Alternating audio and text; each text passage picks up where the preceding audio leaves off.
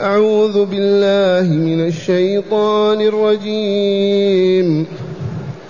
ويقول الإنسان أإذا ما مت لسوف أخرج حيا؟ أولا يذكر الإنسان أنا خلقناه من قبل ولم يك شيئا؟ فوربك لنحشرنهم والشياطين ثم لنحضرنهم حول جهنم جثيا ثم لننزعن من كل شيعة أيهم أشد على الرحمن عتيا لنحن أعلم بالذين هم أولى بها صليا. وإن منكم إلا واردها كان على ربك حتما مقضيا. ثم ثم ننجي الذين اتقوا ونذر الظالمين ونذر الظالمين فيها جثيا. أحسنت. معاشر المستمعين والمستمعات من المؤمنين والمؤمنات يخبر تعالى فيقول ويقول الإنسان هذا الإنسان هو الكافر المكذب بتوحيد الله ونبوة رسول الله والبعث الآخر وما يتم فيه. وقد ورد أن أبي بن خلف كان قريبا من الصفاء فأخذ عظاما ففتتها بيديه وقال يزعم محمد أن هذا يحيى.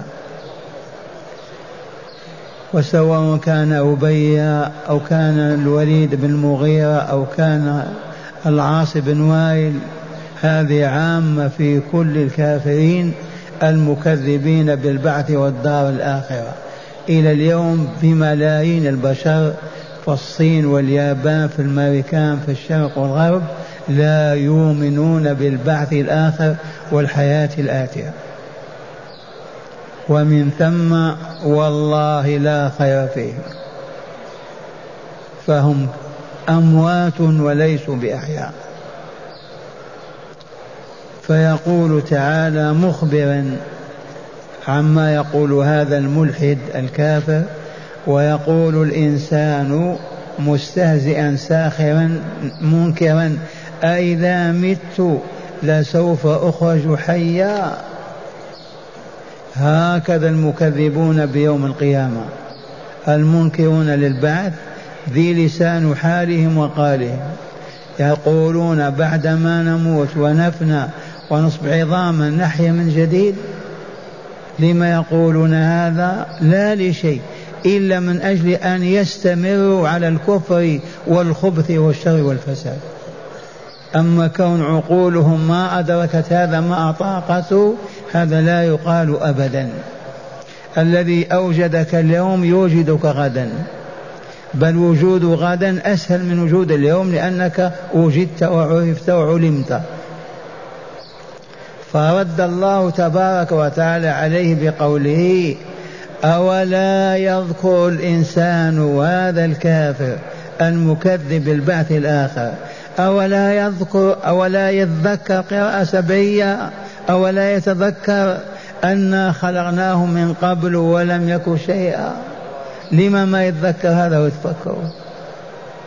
أيها الحاضرون أيها المستمعون السامعون قبل مئة سنة هل كان موجود بيننا أحد وجدنا.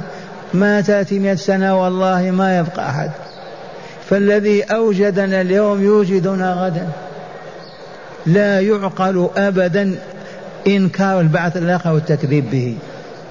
ما دام الخلاق العليم قد خلق وأوجد إذا وأخبر وواعد وعد الصدق أنه يعيدنا من جديد أحياء لنتلقى الجزاء على العمل في هذه الدنيا.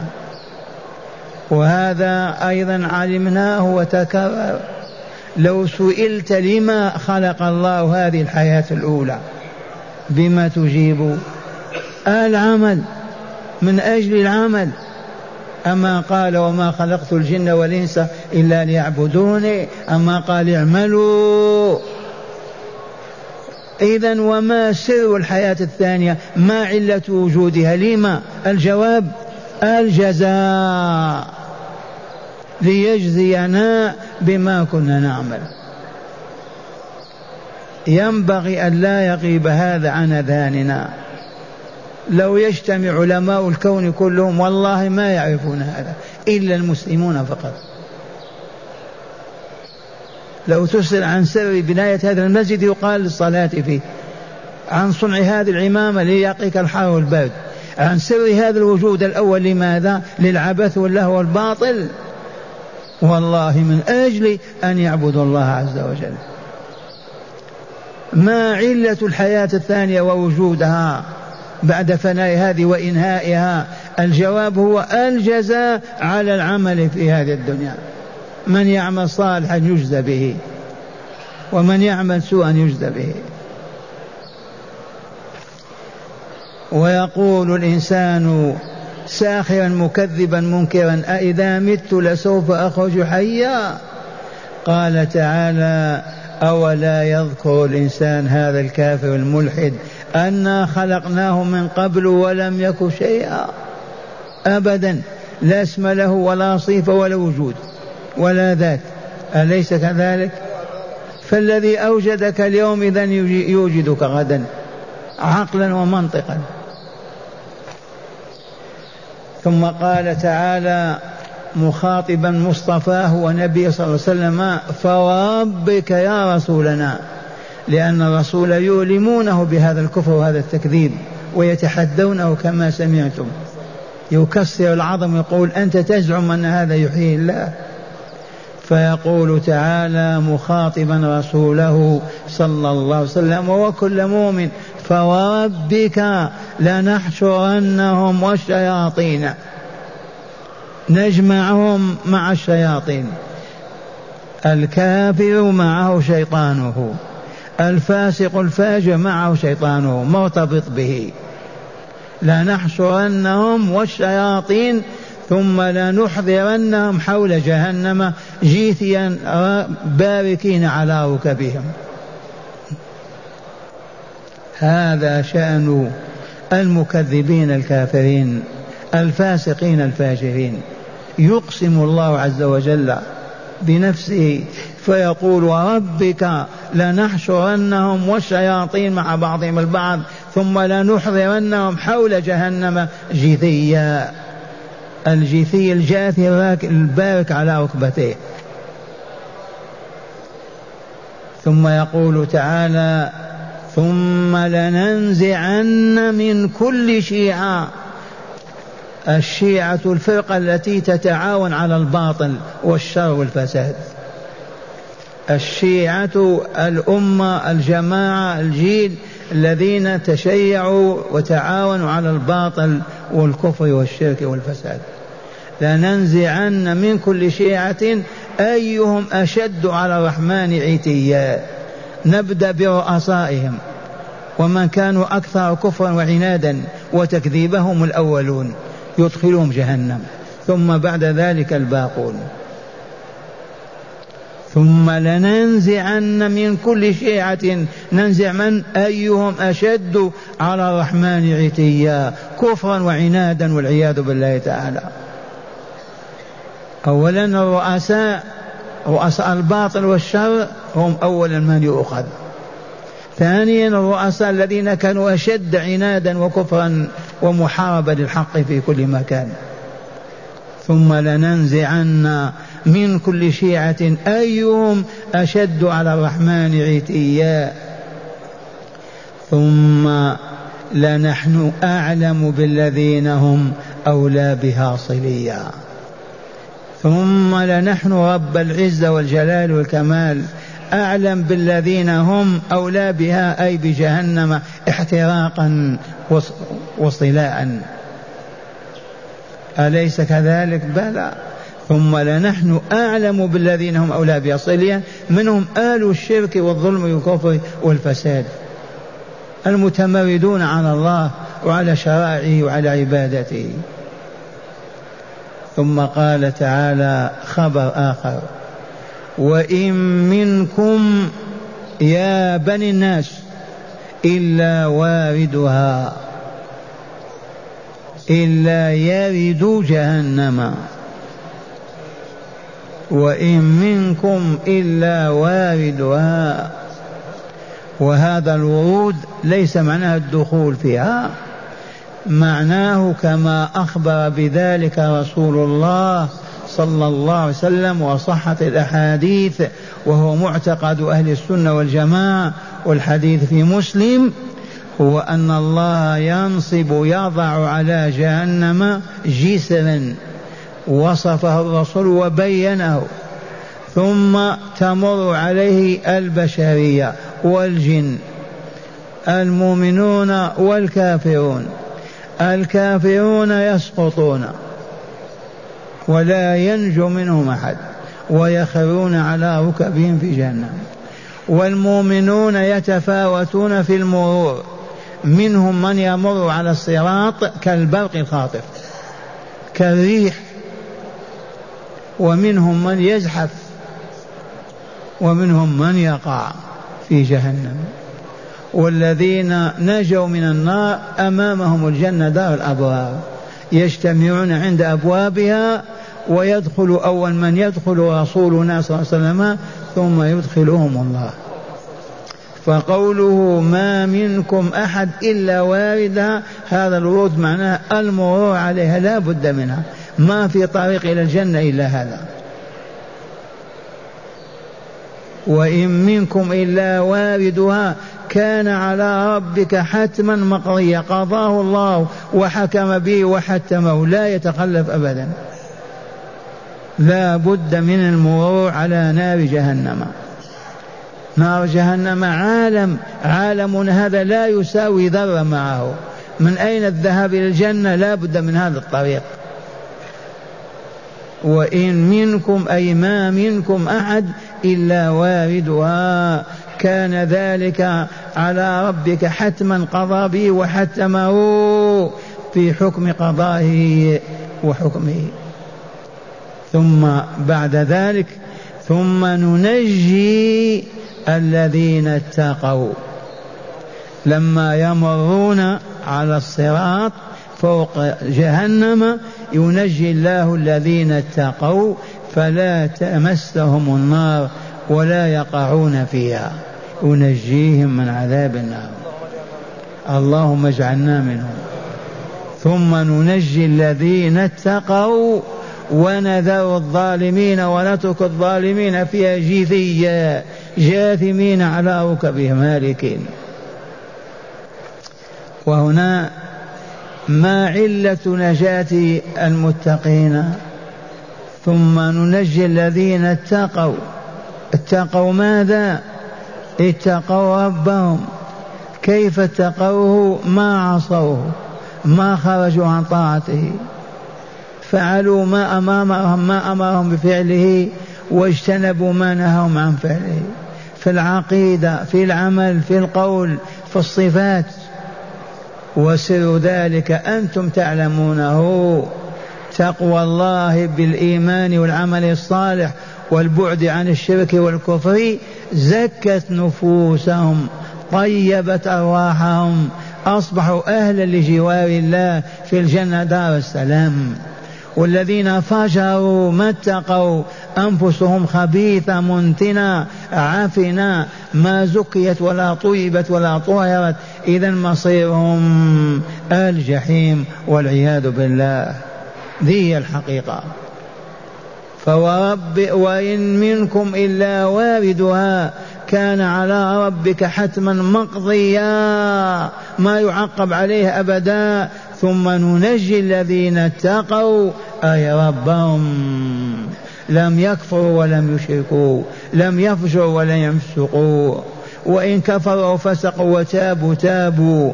لكن إن ماتوا على كفرهم وشركهم وفسقهم وفجورهم هؤلاء يذرهم في جهنم لأنهم ظالمون. ونذر الظالمين فيها جثيين. عرفنا الظلم أبشعه أقبحه الشرك بالله وإلا لا. عرفنا أن الظلم وضع الشيء في غير موضعه وإلا لا. فالذين يأكلون ما حرم الله ويلبسون ما حرم الله ويقولون ما نهى الله عنه ويتركون ما أمر الله به وضعوا الشيء في غير موضعه فهم ظالمون. بدل أن يتزوج يزني ظلم. أما هو هذا الظلم وهكذا. مرة ثانية اسمعوا الآيات. ويقول الإنسان أئذا ما مت لسوف أخرج حيا؟ أولا يذكر الإنسان أنا خلقناه من قبل ولم يك شيئا.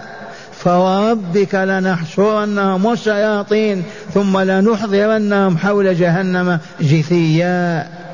ثم لننزعن من كل شيعة أيهم أشد على الرحمن عتيا. ثم لنحن أعلم بالذين هم أولى بجهنم صليا. وإن منكم إلا واردها كان على ربك حتما مقضيا. ثم ننجي الذين اتقوا ونذر الظالمين فيها جثيا. إلى متى؟ إلى أبد الآباد. معنى الآيات الآيات في سياق تقرير عقيدة البعث والجزاء. الآيات في سياق تقرير عقيدة البعث والجزاء. ما معنى البعث والجزاء هذا؟ البعث أحياء والجزاء على كسبنا في هذه الدنيا. يقول تعالى وقوله الحق ويقول الإنسان أي المنكر للبعث والدار الآخرة؟ وقد يكون القائل أبي بن خلف أو العاص بن وائل وقد يكون غيرهما إذ هذه قولة كل من لا يؤمن باليوم الآخر. إلى اليوم. يقول إذا مت إذا ما مت لسوف أخرج حيا. يقول هذا استنكارا وتكذيبا. قال تعالى رادا على هذا الإنسان قولته الكافرة. أولا يذكر الإنسان أي المنكر للبعث الآخر أنا خلقناه من قبل ولم يك شيئا. أيكذب بالبعث وينكره ولا يذكر خلق خلقنا له من قبل ولم يك شيئا. موجودا أليس الذي قدر على خلقه قبل أن يكون شيئا قادرا على إعادة خلقه مرة أخرى؟ أليست الإعادة أهون من الخلق الأول والإيجاد من العدم؟ ثم يقسم الله تبارك وتعالى لرسوله على أنه معيدهم كما كانوا ويحشرهم جميعا مع شياطينهم الذين يضلونهم ثم يحضرونهم حول جهنم. ثم يحضرهم حول جهنم جثيا. على ركبهم أذلاء صاغرين ذليلين. هذا معنى قوله تعالى فوربك لنحشرنهم والشياطين ثم لنحضرنهم حول جهنم جثيا. وقوله تعالى ثم لننزعن من كل شيعة أيهم أشد على الرحمن عتيا. يخبر تعالى بعد حشرهم إلى ساحة فصل القضاء أحياء مع الشياطين الذين كانوا يضلونهم يحضرهم حول جهنم جثيا ثم يأخذ تعالى من كل طائفة من من كل طائفة من, من تلك الطوائف يأخذ التي ثم يأخذ تعالى من كل طائفة من الطوائف التي أحضرت حول جهنم وهي جاثية تنتظر حكم الله تعالى فيها. أيهم كان أشد على الرحمن عتيا أي تمردا عن طاعته وتكبرا عن الإيمان به وبرسوله ووعده ووعيده. وهو معنى قوله تعالى ثم لننزعن من كل شيعة أيهم أشد على الرحمن عتيا. وقوله تعالى ثم لنحن أعلم بالذين هم أولى بها صليا. يخبر تعالى بعلمه بالذين هم أجدر وأحق بالاصطلاء بعذاب النار. وسوف يدخلهم النار قبل غيرهم ثم يدخل باقيهم بعد ذلك. وهو معنى قوله عز وجل ثم لن ثم لنحن أعلم بالذين هم أولى بها صليا. وقوله وإن منكم إلا واردها كان على ربك حتما مقضيا فإنه يخبر عز وجل عن حكم حكم به وقضاء قضى به وهو أنه ما من واحد منا معشر بني آدم إلا وارد جهنم. وبيان ذلك كما جاء في الحديث أن الصراط جسر يمد على ظهر جهنم والناس يمرون فوقه فالمؤمنون يعبرون ولا يمرون ولا يسقطون في النار والكافرون يمرون فيسقطون في جهنم. وهو معنى قوله تعالى ثم ننجي الذين اتقوا أي ربهم فلم يشركوا به ولم يعصوه بترك واجب ولا بارتكاب محرم. ونذر الظالمين بالتكبر والكفر وغشيان الكبائر من الذنوب فيها جثيا. أي ونترك الظالمين فيها أي في جهنم جاثمين على ركبهم يعانون أشد أنواع العذاب. اللهم نجنا من عذاب جهنم مع هداية الآيات. بسم الله والحمد لله. من هداية الآيات أولا تقرير عقيدة البعث والجزاء بالحشر والإحضار حول جهنم والمرور على الصراط. هذه الآيات التي درسناها أما تقرر عقيدة البعث والجزاء وتفصلها وتبينها. نعم. ثانيا تقرير معتقد الصراط في العبور عليه إلى الجنة. الصراط قررته هذه الآية. وقد بينه الرسول صلى الله عليه وسلم وأن البشرية تمر فوقه. الكافرون يسقطون والمؤمنون ينجيهم الله. قال المؤلف غفر الله لنا وله ولوالدينا أجمعين. في الحاشية حاول صاحب التحرير أن يرد مذهب الجمهور. صاحب التحرير التونسي. في تفسيره ذكر قول الباطل لا قيمة له أن الصراط ليس بحقيقة ولا يمرون عليه. أعيد لنا ما كتب قال حاول صاحب التحرير أن يرد مذهب الجمهور في ورود المؤمنين على الصراط كسائر الخلق ثم ينجي الله الذين اتقوا حيث يتجاوزونه بسلام ويقع فيه الكافرون فلا يخرجون. قال وما هناك حاجة إلى رد مذهب الجمهور من أئمة الإسلام. شوية ما تستعجل. ومن هناك؟ وما هناك حاجة إلى رد مذهب الجمهور من أئمة الإسلام إذ حديث الصراط والمرور به ثابت قطعيا ففي صحيح مسلم. اسمع الحديث في صحيح مسلم. ثم يضرب الجسر على جهنم. ثم يضرب الجسر يضرب الجسر على جهنم. وتحل الشفاعة. فيقولون اللهم سلم سلم. قيل يا رسول دعوة الله. الرسل اللهم سلم سلم والناس يمرون على الصراط قيل يا رسول الله وما الجسر؟ قال دحض مزلة. فيه خطاطيف. مزلة. نعم. فيه خطاطيف وكلاليف. خطاطيف وكلاليف. وحسك. تكون فيها شويكة يقال لها السعدان. السعدان. شويكة. ما هي شوكة فقط؟ شويكة يقال له السعدان. فيمر المؤمنون كطرف العين وكالبرق فيمر المؤمنون ك كطرف العين. كطرف العين. نعم. وكالبرق. وكالبرق الخاطئ. وكالريح. وكالطير. وكأجاويد الخير والركاب. فناج مسلم ومخدوش مرسل ومكدوس في نار جهنم. وبهذا الصراط فسر السلف الورود على جهنم. ولم يقولوا بلازم الورود وهو الدخول إذ قد يرد المرء على الحوض ويقف على طرفه ولا يدخل فيه. نعم.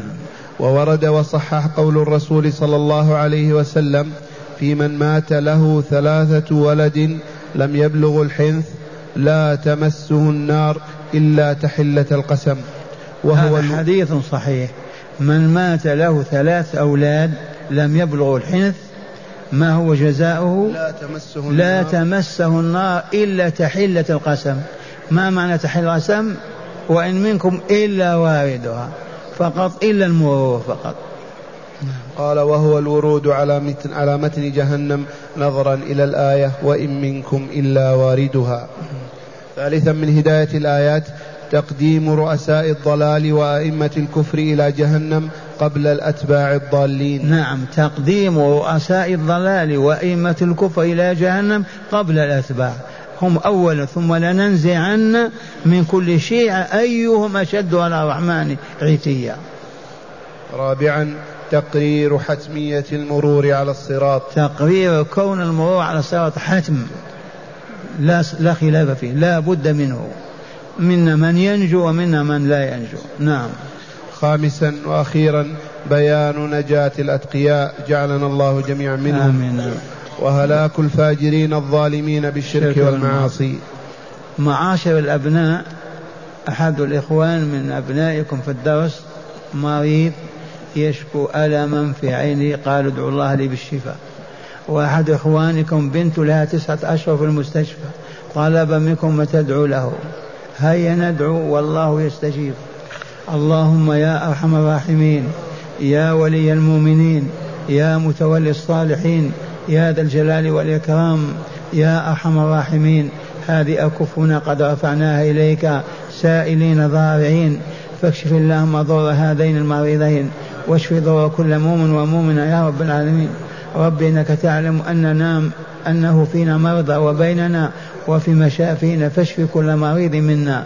وأعظم أجر المأجورين وأعظم واعل درجة العالمين يا رب العالمين. اللهم هذه أكفنا قد رفعنا فلا تردنا خائبين. فاكشف ضرنا وضر كل مؤمن ومؤمنة يا رب العالمين. وزك نفوسنا وطهر قلوبنا وأدخلنا برحمتك في عبادك الصالحين. يا ولي المؤمنين تولنا ولا تتركنا. إلى من تتركنا يا رب العالمين. فاحفظنا بما تحفظ به الصالحين من عبادك. فاحفظ قلوبنا وزك نفوسنا وأدخلنا برحمتك في عبادك الصالحين.